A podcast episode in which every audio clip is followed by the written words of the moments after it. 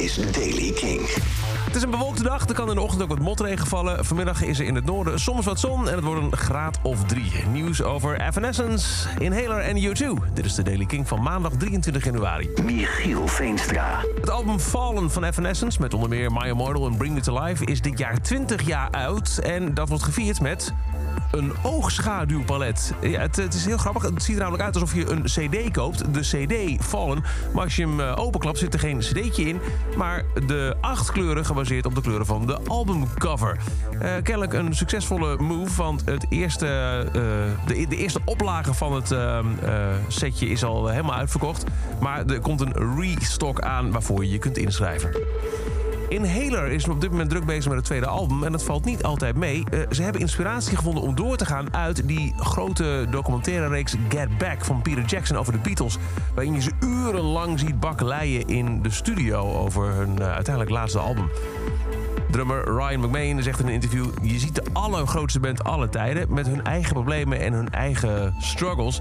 En je denkt, het is een perfect album. Wat kan daar fout mee zijn? En dan zie je welke kleine, maar ook grote drama's... er zich achter de schermen afspeelden.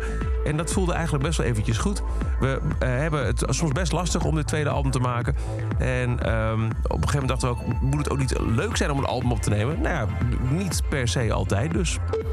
En U2 is dan misschien al wel meer dan 50 jaar samen. Ze zijn ook al regelmatig uit elkaar gegaan. Alleen dat heeft nooit de pers gehaald. Dat vertelt zanger Bono in een podcast die vandaag uitkomt. De podcast Smartless. Het is soms best lastig om een band te, te zijn. Soms uh, zijn ruzies zo groot dat iedereen zegt... weet je, het is klaar, we stoppen ermee. En toch komen we altijd weer samen. En gelukkig hebben we nooit aan de grote klok gehangen dat er zo'n moment is geweest. Maar we hebben meerdere keren gewoon niet bestaan. Hoe ouder je wordt, hoe lastiger het wordt. Soms krijg je situaties waarin een mannetje heel graag zijn eigen territorium wil verdedigen.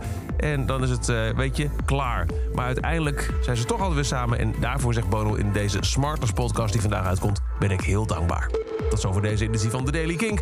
Elke dag er een paar minuten bij met het laatste muzieknieuws en nieuwe releases. Niks missen. Abonneer je dan op The Daily Kink in de Kink-app. Dan krijg je elke dag bij een nieuwe aflevering een melding op je telefoon. En voor meer nieuwe muziek en muzieknieuws luister je s'avonds tussen 7 en 11 naar Kink in Touch. Elke dag het laatste muzieknieuws en de belangrijkste releases in The Daily Kink. Check hem op kink.nl of vraag om Daily Kink aan je smart speaker.